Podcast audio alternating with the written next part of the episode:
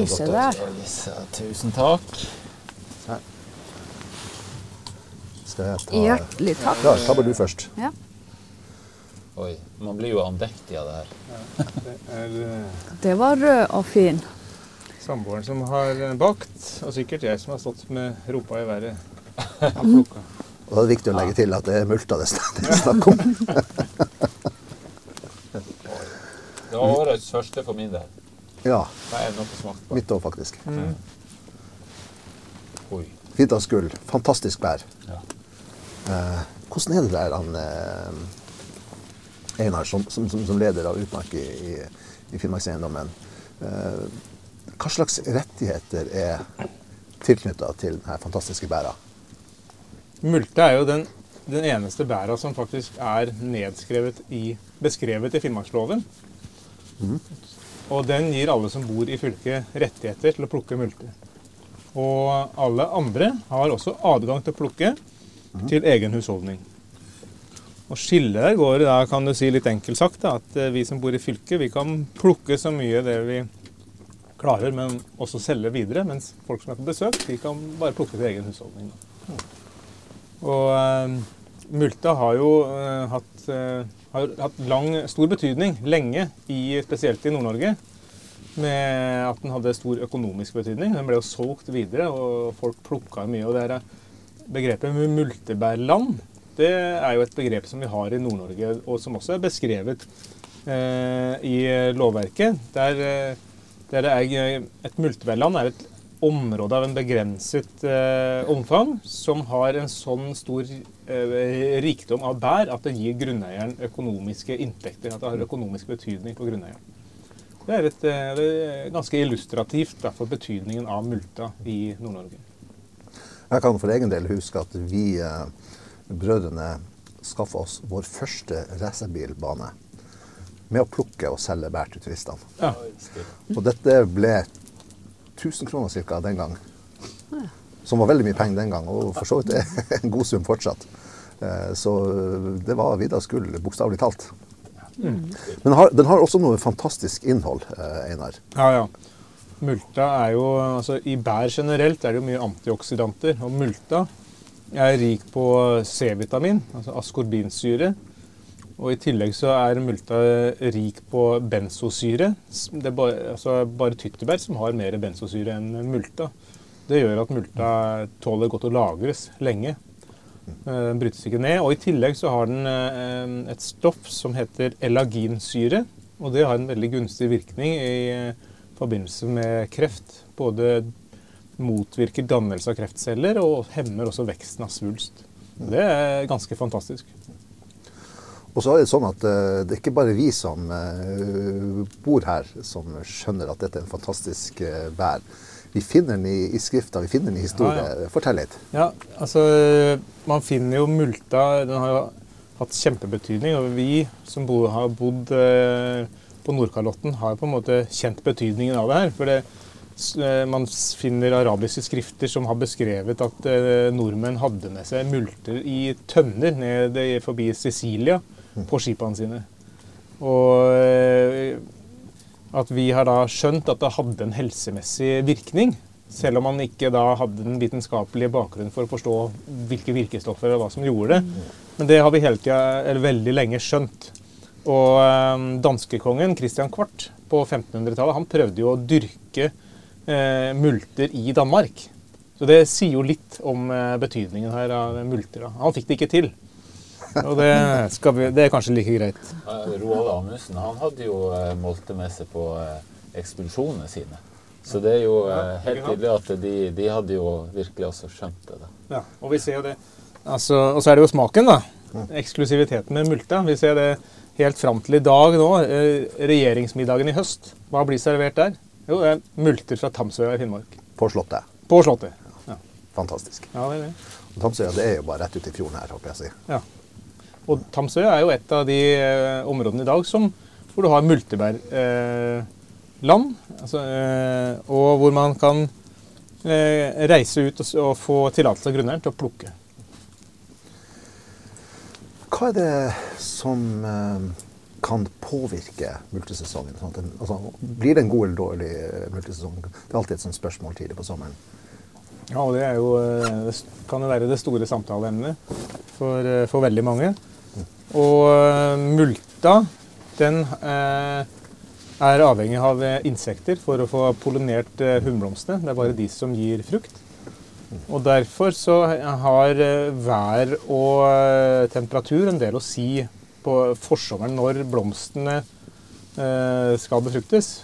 Da, under blomstringstida da, så er det litt viktig at, at det ikke er veldig kaldt og mye regn. Da, sånn at det er dårlig for insektene. Da det bli, kan det bli dårlig for multene. Men, eh, men en kjølig sommer i seg sjøl trenger ikke å være noe, noe negativt. Det kan egentlig være bra. For de, eh, det kan også bli for varmt og tørt. Så du kan si at er litt av de samme mekanismene for, altså Rypa også har eh, behov for at kyllingene de første levedagene de trenger insekter for å eh, klare seg. Og da er iskaldt vær og regnvær som gjør kyllingene bløte og kalde, og da at de rett og slett kan fryse i hjel og sulte i hjel. Eh, Så det, det er lite gunstig for rypa. Og i på en måte, ikke nødvendigvis helt sammenfallende i tid, men noenlunde sammenfallende mekanismene der med at også for multa så er de avhengig av at det er litt insekter som kan eh, pollinere hunnblomsten. Det er eh, fascinerende.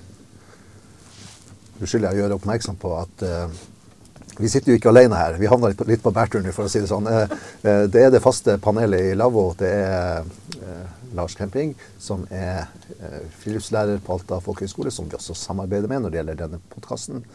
Han er frilanser i tillegg. Og så har vi Marit Mikkelsdatter Eira Muru. Bakgrunn fra reindrifta og har skrevet bøker om samisk tradisjonskunnskap.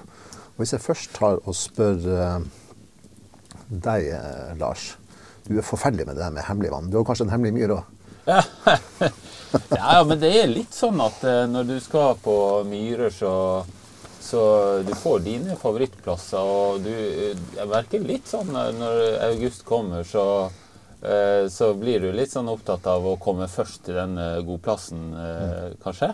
Så det, det er litt sånn eh, Men det, det er fortsatt eh, ikke noe automatikk i at det er bra eh, mye måltid der til neste sesong. Så det varierer veldig. Så Eh, for min del. Så jeg er veldig glad for at jeg har fire unger, for jeg sprer bare unger ut i viftestil ut på myra, og så, så vips, så har vi det vi trenger, liksom. Så ja. Jeg hadde en bro, bror som pleide å si når han syntes det ble for mye masing med denne multebærplukkinga, at eh, man må vel plukke seg til blods for at det skal hjelpe. Eh, eh, der er litt sånn eh, mye, mye, mye, sånn, sånn hemmelighetskremmeri, og vi vet aldri helt hvordan sesongen blir. Og, og så er jo dette med også hvordan Eller sagt på en annen måte, hvor langt tilbake i tid i dette året her må vi på en måte gå før vi kan på en måte begynne å ane hvordan vei denne multiversesongen går? Har det noe å si med forvinteren, f.eks.? Snømengden kan jo ha litt å, litt å si, men eh, det er jo litt spesielt nå kanskje med, når man ser kanskje noen tendenser til klimaendringer. Og det blir på en måte mer uforutsigbart. Vårene kommer på en måte litt ti, raskere kanskje enn enn de gjorde før. Og, og det kan jo gjøre at, du, at det tørker opp hvis det, for, hvis det smelter for fort og, og sånt. Så da, sånn sett så generelt så tenker jeg at eh, mye snø og ikke for rask snøsmelting er, er gunstig. For Det er jo bær som lever på myr. Og, som, eh, og det hender jo at, så, at det tørker helt opp. Og det er ikke gunstig. Men så har du det at eh, sånn skogsbær Altså, det, det kan jo være fuktig inni bjørkeskogen òg. Og det ser du veldig ofte at enkelte år så er det liksom skogsbær som berger, berger vår husholdning for molter. Det, da må du liksom gå inn i, inn i bjørkeskogen rett og slett og lete opp. Og det tar litt mer tid, men eh, du, du, en eller annen plass finner du alltid molter. Ja. Det Selv om det er skattejakt. Ja, det er liksom skattejakt, men du, du, du blir alltid berga, på en måte. Og det er jo fantastisk. Eh, Sånn er det her oppe. Du, eh, så, så om vint, eh, vinteren har vært, eh, eller våren har vært sein, og det har vært mye snø, og så, så fin, er det alltid plasser å finne molta. da. Det er en veldig aktiv sesong. nå. Har vi multebæra først, og så etter det så er det blåbær, krøkebær og, og tyttebær. Marit, hva pleier du å gjøre med, med bæra, hvis vi tar molta først? Ja, For å begynne med det. Molta, eller den gulljakten har jeg jo gått på helt siden jeg var bitte liten. Så det, det har jeg holdt på med i, i alle mine år. Og det er en ting som jeg må ha hver sommer. Og multa smaker jo best når den er fersk. Og sjølplukka? Og sjølplukka helst. Det er ikke til å komme fra. Og, eh, og det er jo også litt sånn at uh, før i tida så hadde man jo sine myrer som man var og plukka i. Og da kunne du være trygg på at du, det var ikke så mange andre som kom på dine myrer og plukka. Så man hadde liksom sine plasser. Og jeg har den følelsen enda i dag. Jeg, jeg føler meg ikke helt komfortabel med å fære til andres myrer i anførselstegn. Så jeg drar nå til mine sommerboplasser der hvor vi har bestandig plukka multebær. Men Får du ha den myra i fred, da? Mm, nei, det gjør jeg ikke, men, eh, men eh, det er liksom der jeg hører hjemme. Du er ikke frista til å fortelle folk at det er multebærbjørn? Nei, jeg har hørt om multebærbjørn. Den hører man egentlig om hvert år. Så eh, ja. Saft, hvordan safter du, da? Eh, dem eh, fryser jeg bare ned som de er. Okay. Eller så bare rører jeg dem med litt sukker. Ja. For de, de, kan jo bare fryses ned. Men før, før så lagrer man dem jo i tønner, og som han eh, Einar sa, at den har- inneholder en syre som gjør at den er selvkonserverende. Så den, den kunne jo lagres og tas opp frisk og fin Ja. utpå vinteren og, og selges, eventuelt spises sjøl. Men jeg fryser det ned, og så rører jeg det bare med sukker etter hvert. Lager du noe saft av bær? Eh, av andre bær, ja. Ikke av eh, multebær, men det fins jo Nå kan man jo fære både på blåbærturer, blokkebærturer. Du kan jo finne markjordbær, men det du, finner du jo veldig lite av. Og så, de kan du verken fryse eller eh, spare for lenge, så de bør du spise på stedet. Og det samme med åkerbær. De er vanskelige bær å plukke, men de er utrolig søte på smak. Så dem får du egentlig bare veldig lite av, men veldig søt å spise på stedet. Og så kan du finne bringebær. Det pleier jeg å finne enkelte plasser. Men nå har jeg mista de plassene. Eller de buskene er ikke der lenger hvor jeg pleide å gå før. De er ikke der lenger. Men utover høsten da, så er det jo både teiebær og tyttebær og rypebær og rips, solbær, rognebær, tranebær. Tranebær kommer helt til slutt. Da er det gjerne veldig kaldt når du skal plukke tranebær, men det er litt lenger utpå høsten. Jeg hører du har et litt bredere bærsortiment enn oss. Jeg, har, jeg prøver å plukke det jeg finner. Til, Ja. Så det går liksom slag i slag gjennom sommeren og så høsten. Rognebær, da? Har du Mm. plukka det? Mm. Ja. Mm. Det er også Det er sånn rognebærgelé. Ja. er jo det som veldig godt. Det er fantastisk. Ja. Mm. Litt sur, men Mm. mm. Passer til vilt. passer til vilt. Vi hadde sånn prat eh, her om dagen eh, hvor vi snakka om Malta, og så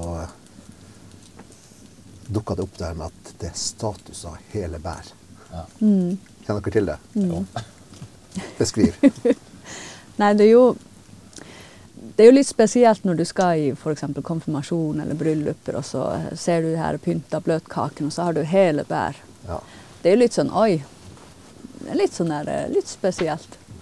Er status. Ja, litt sånn småstatus. Fortrinnsvis multer, da? Eller? Ja, multer. Ja. Ja. Det er multer det er snakk om. Det er multen som er vidd av skull, som jeg Ja. har sagt. Så hvis man ikke har hele bær, da Det er ingen som savner det. Jeg opplever at multeplukkinga har mange likhetstrekk ved, ved jakt. Mm. At liksom det derre å søke etter de skikkelig bra myrflekkene, hvor det er masse multer, det er liksom en, en jakt i seg, en opplevelse i seg sjøl, da. Så det syns jeg er utrolig fascinerende med multeplukkinga. Ja. Men så er det også det der, og det kan kanskje også være sesongavhengig. Altså, noen ganger kan du jo finne sted der du bare setter deg og kan plukke med begge be- be- hendene. Mens andre ganger er det mer ja, jakt, som du sier. Um, hva er det som er Altså, hva er oppskriften på å finne en god multeplass? Hvor bør man lete? Man bør rett og slett bare gå, begynne å gå. Ja. Ja, så enkelt. Så enkelt er det. Og selvfølgelig, du må jo vite litt om hvor multa vokser, at det må jo være bløtt. Og, og så vokser den på forskjellige steder til forskjellige, i forskjellige år. Enkelte år så kan du finne mye multe inni kratt. Mm. Og enkelte år så finner du dem på de flatere. Mm. Så det varierer veldig.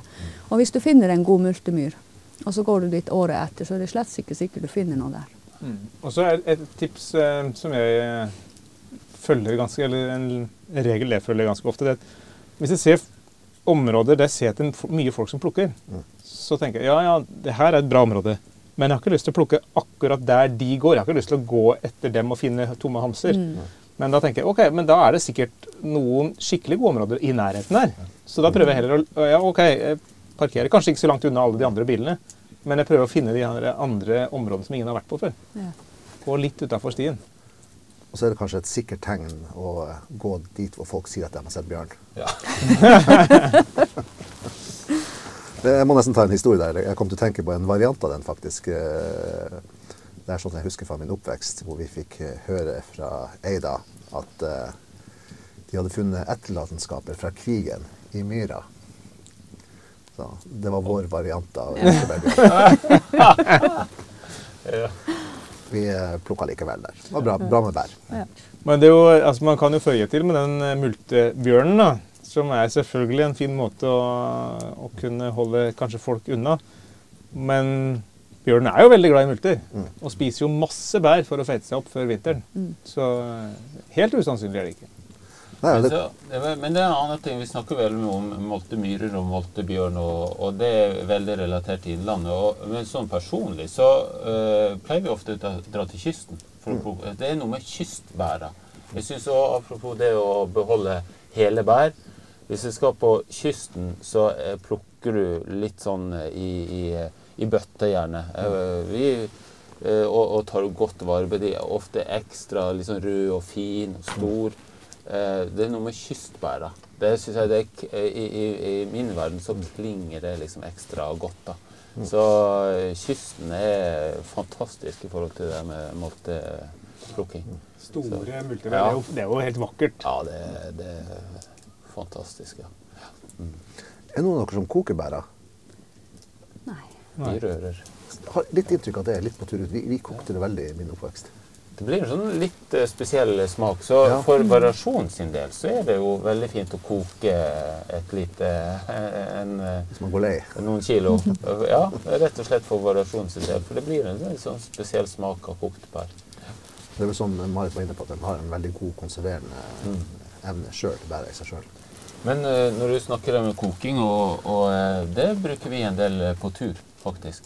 Vi er på tur, og gjerne sånn med eh, elever fra folkehøgskolen. Så de første turene Vi begynner jo skoleåret i, nå eh, midt i august. Og det, å, og det med bær er jo noe vi Alle har lyst til å plukke litt bær. og og det å maule bær er jo en del av turopplevelsen. Men det å da sitte på kvelden og slenge på kjelen, en liksom stor gryte med vann, og, og så rett og slett eh, lage moltesuppe, lage blåbærsuppe underveis på tur, kjempefint. Du bare koker opp bæra, putter litt eh, potetmel og sukker i.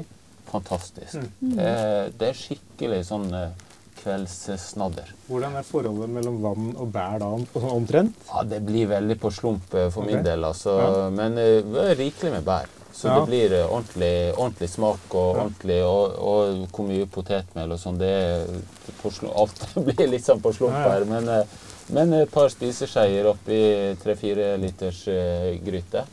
Og eh, sikkert kilo med bær, ja. Ja. Ja, minst. Mm. Og, ja, det, det, og det blir så godt. Friskt og godt og ja.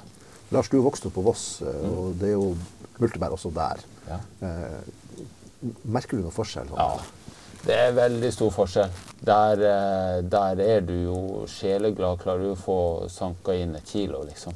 Altså, så, og der er du veldig hemmelighetsfull. Eh, i forhold til Og du, du Det blir nesten litt sånn panisk, for og folk begynner å plukke kart og sånn for å bare komme berge de bæra. Så det blir, eh, det blir veldig annerledes, altså. Så mm, det, det er en unik vi, mulighet her i Finnmark at vi har egentlig i, i bøtter og spann. Så det holder. Det er jo et, eh, en, det er en stor ressurs. Mm. Det er jo forferdelig mye bær som bare råtner bort hvert eneste Ja. år. Mm. Så liksom, det, er, det er ikke noe som vi, vi på noen måte høster for mye av. Mm. Det, Og så er det, det er jo en eh, tilleggsforråd da, gjennom vinteren. Mm. Altså, vi, kan, eh, vi har muligheten til å plukke nok bær til å spise multesyltetøy eh, og blåbærsyltetøy hver uke hele året. Mm. Og så er, er det jo så fint med de her bærene at de avveksler hverandre. Eh, første bæra er jo gjerne molte. Og så er det en fin eh, glidende overgang til blåbær. Og så, og så plukker du blåbær, og så blir du litt lei av det, kanskje. Og så kan du, blir det ordentlig høst eh, i september. Så er det, er det krøkkebær og tyttebær og alt det her som Marit har fortalt om. Det, det er så artig. Det, du, altså, du kan plukke bær i mange, flere måneder, liksom. Og det, det, og det, tyttebær tåler vel mer eh, frost. Den tåler sant? veldig Så- mye frost, og den kan du plukke fra under snøen om du vil. Mm, ja, og samme med krøkkebæra. Og, og, og apropos forskjell mellom nord og sør, det med krøkkebær det, tror jeg, altså, det er ingen som har hørt om krøkkebærsaft i sør for Jeg vet ikke hvor, men, men hjemmefra i så fall, på Vestlandet. Ingen så, De skjønner ikke hva krøkkebær er engang. Det er krekling. Men her sier vi krøkkebær. Og det å lage krøkkebærsaft, det er jo, altså, det er jo kongelig øh, drikk, altså. Skikkelig god. Smakfull. Og sunn, ikke minst. Sunt er det jo. Så jeg driver jo, når jeg plukker alle de her eh, typene, så fryser jeg jo ned mye bær. Så kan jeg jo koke saft og sylte utover, utover vinteren. Og gjerne blande de her bærtypene. Det er ikke noe i veien for det. Ja, Jeg må legge til, jeg har faktisk prøvd å brygge øl en gang med multebær. oi. Og eh, fikk akkurat til den lille ettersmaken. av multer. Det, det fungerte utmerket. altså. Eh, Det hører med til historien at uh, det prøvde i ettertid, og, og da, da ble det ikke like bra. Så det, du skal treffe litt. og mens han uh, Lars får seg litt uh, kaffe, så skal jeg bruke anledningen til å gå over i den delen av programmet som vi kaller for Året i Sápmi. Og eh, da er august en spesiell måned for eh, plukking av sennagress, Marit. Til å ha i skotøy. Fortell. Ja. Sennagresskjæring har jo jeg holdt på med siden jeg var jentunge. Og det har jeg jo fortsatt med eh, oppover og helt til i dag. Det er også en ting som jeg nesten må gjøre, bare for turens skyld. Om det ikke blir så mye gress, så må jeg i hvert fall ut på den bestemte myra og, og skjære litt sennagress, og så jobbe litt med det når jeg kommer hjem og, og, og tørke det. Så det er jo Sennagress har jo vi brukt i skotøy, eller i fottøy, både sommer og vinter, i skaller og, og komager. Og det bruker jo jeg fremdeles. Både i skaller og inn i sko. Det holder godt på varmen, og så holder det fuktigheten borte fra føttene. Og det her sennagresset kan du bruke flere ganger. Når du har brukt det én gang, så kan du ta det ut, og så tørke det, og så bruker du til det går, går i oppløsning av seg sjøl. Eh, så det, det jeg trenger når jeg skal på sennagresstur, det er selvfølgelig en sigd, så må jeg ha et tau og gummistøvler. Eh, og fyrstikker, fordi jeg må jo ha den her eh, bålkaffen etter at jeg har skåret, før jeg begynner å gå tilbake. Så da er det å finne frem til denne myra og skjære gresset som da vil være ca. Ja, underkant av en meter høy. Så hvis du tar det enda litt lenger Hvis du skjærer under vann, så får du jo litt mer ut av gresset med deg. Og bunte det til passe store bunter, så bærer det hjem. Og så kan jeg begynne å jobbe med, jobbe med gresset og, og få det til å bli brukende til å ha inn i fottøy. Og da bruker jeg i hvert fall en, en plank med spiker i, som er banka inn tett i tett. Så da banker jeg gresset mot denne spiker, spikermatta, kan du si. Og greier det gjennom spikrene, sånn at det blir de her Aksene Aksen, få det til å ja, løsne litt. ja, at den blir, ja, at det går an å tørke alt den, den skal jo bli mykere. Men jeg kan også banke det med en klubbe mot flatt underlag. Det kan man gjøre først. Og så må, må det jo em, bankes grundig, og du må jobbe med det. Hva heter det? Kverner det, Ja, at du, Tvinne. Tvinne, ja. Nei, du knir det sånn at, Ja. det blir, at det skal bli enda mykere. Ja. Det er liksom det du gjør helt til slutt. Og så henger du det til tørk, og så må du jo tørke til det er tørt. Og etter det så kan du bruke det.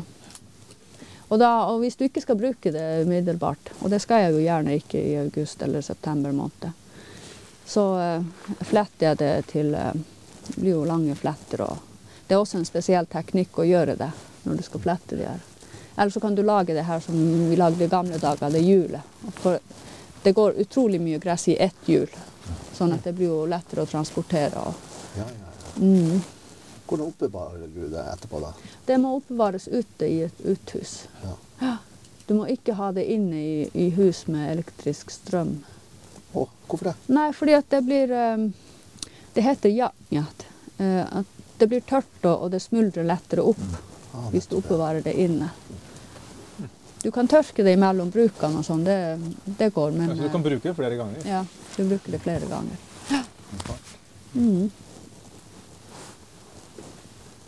Kom på en historie der eh, det var eh, ei jeg kjenner. Hun hadde lånt bort eh, leiligheta si. Det var en av byene her i Finnmark. Og så eh, hadde hun lånt bort en leiligheta til eh, en som brukte sendagress i skoene sine. Skallene. Og eh, så kom hun hjem og kanskje overrumpla han litt. Grann. Og kommer på en tid av året der hun ikke forventer å finne gress i huset. Det var altså flere steder på gulvet. Og hun hadde gitt han en liten kjennepreke på det, og han kunne ikke helt forstå hva, hva galt han hadde gjort. For det var sånn det var. Har du hatt føttene i eh, f.eks. i skalla med, med gress, så må det nødvendigvis også bli litt uh, senagress på sokkene. Hva er problemet? Ja. Men sennagresset, så det venter vi jo gjerne med til helt på slutten av august og kanskje helt til begynnelsen av september. Mm. Det tåler jo å stå. Det gjør jo ingenting om de er blitt litt gule i tuppene. Det, det gjør ingenting. Det var nesten sånn at du må velge litt mellom sendagress og multebær. Ja, du må, du må velge litt mellom eh, bær eller sennagress. Eller så kan du kombinere det. Ja. Hvis du har flaks. Ja, ja, ja. Mm. Jeg vet at til og med polfarere har brukt sendagress. Ja. Har dere prøvd det? karer? Jeg har prøvd det som såle, ja. Ja. Bare for å suge til seg den fuktigheten. Og ikke minst, det, det, det virker altså. Fantastisk. Ja, jeg har også brukt en del sendagress. Da jeg bodde i Kautokeino, brukte vi det en del. Men jeg, jeg må si at jeg syns det er litt utfordrende å få sendegresset ordentlig ned rundt foten. Det krever en teknikk som, eh, og mye, mye bruk. Ja, det krever, krever sin mann. Ja. Og, eh, men det der lærte jo vi også når vi var unge, og vi brukte jo skaller hver dag og måtte ordne skallene sjøl på morgenen med sennagress. Og, og det er jo enklere å bruke når, det, når du løsner en helt ny sånn her flette. Den er mye enklere å bruke enn en, en gresset som du har brukt flere ganger. Så det var jo alltid litt sånn eh, Det var art, artigere å ordne skotøyet med fottøyet med, med, med nytt gress, da. Men hvor mye, hvor, hvor mye sendagress trengte en husstand da, før i tida? Når det, det var kun det man brukte? Um, jeg har hørt en uh, fortelle at de pleide å skjære 1000 sånne Hvis du tenker buntene som får plass inn i din egen hånd. Så 1000 sånne bunter pleide de å forbruke. Men da, da var de flere unger i, i familien, og så brukte de det jo året rundt. Ja. Mens nå når vi ikke bruker det så mye, så er det jo selvfølgelig litt mindre jobb. Mm. Men 1000 bunter krever jo en viss eh, sjå, da. En viss størrelse. Ja. Det krever, men de lagde jo de her hjulene. Ja. sant? Det. Så det, ja. De hadde jo en del å frakte på. Vi lager jo, eh, banker jo sendagresset vi kaller det, med elevene hvert år når vi er Mm. på en flytting med familien Gaup ut i Oldefjord, ute ytterst på, i Kvænangen. Og det er bare så vakkert å se en, en, en, eh, en 19-åring fra Oslo sitte sammen med gamle-Marit Gaup og, og banke sendagress. Da har vi først vært oppe i skogen og sanka sendagress. Og så går vi ned til sjøen, nede i fjæra, og så sitter vi og banker. Og, og gamle-Marit på 85 år nå eh, forteller om eh, Altså, praten går så fint når du sitter og banker, og du Det er jo veldig enkel, fin aktivitet, det her. Og det, det er så vakkert å se på, på en måte. De tradisjon... Eller en 19-åring fra Oslo tjukkeste gater sitter med gamle-Marit som er oppvokst i Kautokeino og har sommerbeite ute i Oldefjorden. Og så sitter de der og banker sendagress, og gamle-Marit forteller om da, den gang hun var 16-17 år og måtte jage ulven bort fra reinflokken. Og, og så sitter de der og banker sendagress. Det er bare, så det, det, er så, det er virkelig et eh, gyllent øyeblikk i sånn undervisningssammenheng. Altså, det er så fornøyelig å få ungdommer fra sør opp hit og vise kultur og vise mennesker. Altså det samiske og alle de mennesker som er så genuine i sin eh, sine ting å gjøre og sin kultur og, og et levd liv. Liksom det å møte ei gammel samekone med grø, eh, grå, lang flette. Ja, det var fantastisk. Eh, Det er jo litt sånn artig også. Søstera mi, det var ett år vi skulle Hun spurte skal vi fære og skjære sennagress. nå? Vi burde vært og så på kalenderen om det var ny måned. For det, det er jo også en viktig ting. Det må jo være voksende måned hvis du skal skjære sennagress. Ja, hvorfor det? Nei, det sies at uh, sennagress, eller sennagresset blir litt um, mykere. Altså det, det går ikke i oppløsning så fort. Og, og det der gjelder jo både slakting av rein, og det er vedhogst, og det er mange ting som man skal Høyånd, slåttånd. Alt det der skal jo gjøres på voksende måned. Og så så vi på kalenderen og planla. Ja, vi drar den dagen der. Ja, ja nå må vi dra og skjære senagress. Ja, det må vi. Og så for vi dit. Og så etterpå så hadde vi jo kaffe og satt der og hadde det veldig fint. Fint vær var det. Og, så sier søstera mi til meg ehm, Jeg trengte nå egentlig ikke det her gresset. Det var mest- for turen sin skyld hit. Ja, så ja, det er det samme her. Ja, ja, ja. Men det sa vi ikke på forhånd. Nei. Hvilket uh, tar oss til uh, deg, Lars, Ja. og uh, i sekken. Hva er det du, du har i sekken i Vet august? du hva, I dag har ikke jeg med sekk. Jeg har med en hundekløv. Eh, og i den hundekløven eh, så har jeg en Det er kanskje det viktigste. Det er kaffekjelen, som vi nå eh, sitter her og er i god bruk. Eh, har kaffepose. Og så har jeg trekoppen. Eh, og til det her så har jeg en fin eh, klump med tørka kjøtt. Og ikke minst eh, kaffe. Den, den er sjokolade. Den er nesten uh, oppspist her, men det Og, eh, så har jeg en rull med plastposer. Eh, og ja, altså eh, er jo, Vi er jo liksom på bærtur, eh, og, og jeg liker å bruke hunder til mye forskjellig. Og, og eh, når vi er på bærtur, så har jeg alltid med kløv og hund, og, og de bærer bæra. Jeg syns det er en veldig fin måte å bruke hunder på. De rusler bak meg, og, og, vi, og det, apropos det som vi har snakka om før her, da har vi litt større rekkevidde. Da trenger ikke bære på alt uh, sjøl. Og kan virkelig lange av gårde for å komme litt sånn unna uh, mengden av folk, da. Men jeg må jo si det at det, jeg synes det, så, det her er liksom årstida der det lever i fjellet.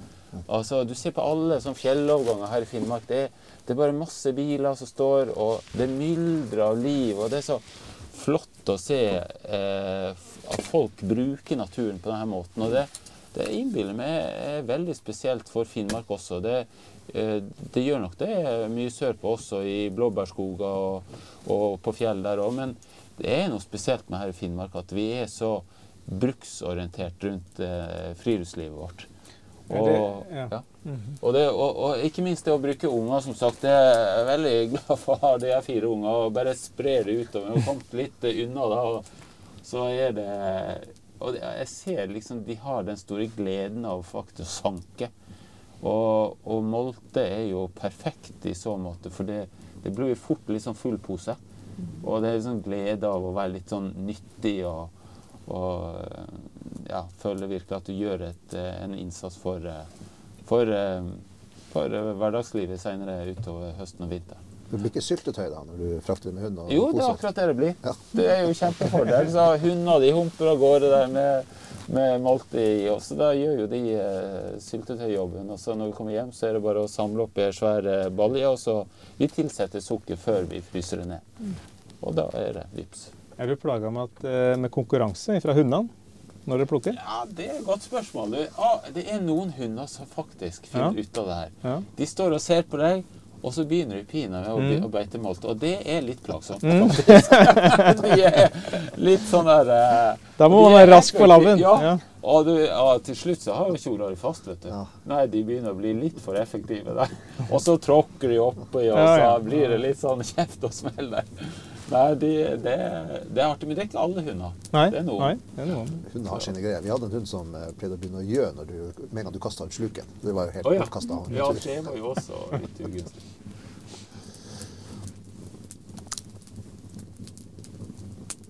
Da eh, tenker jeg at eh, vi runder av.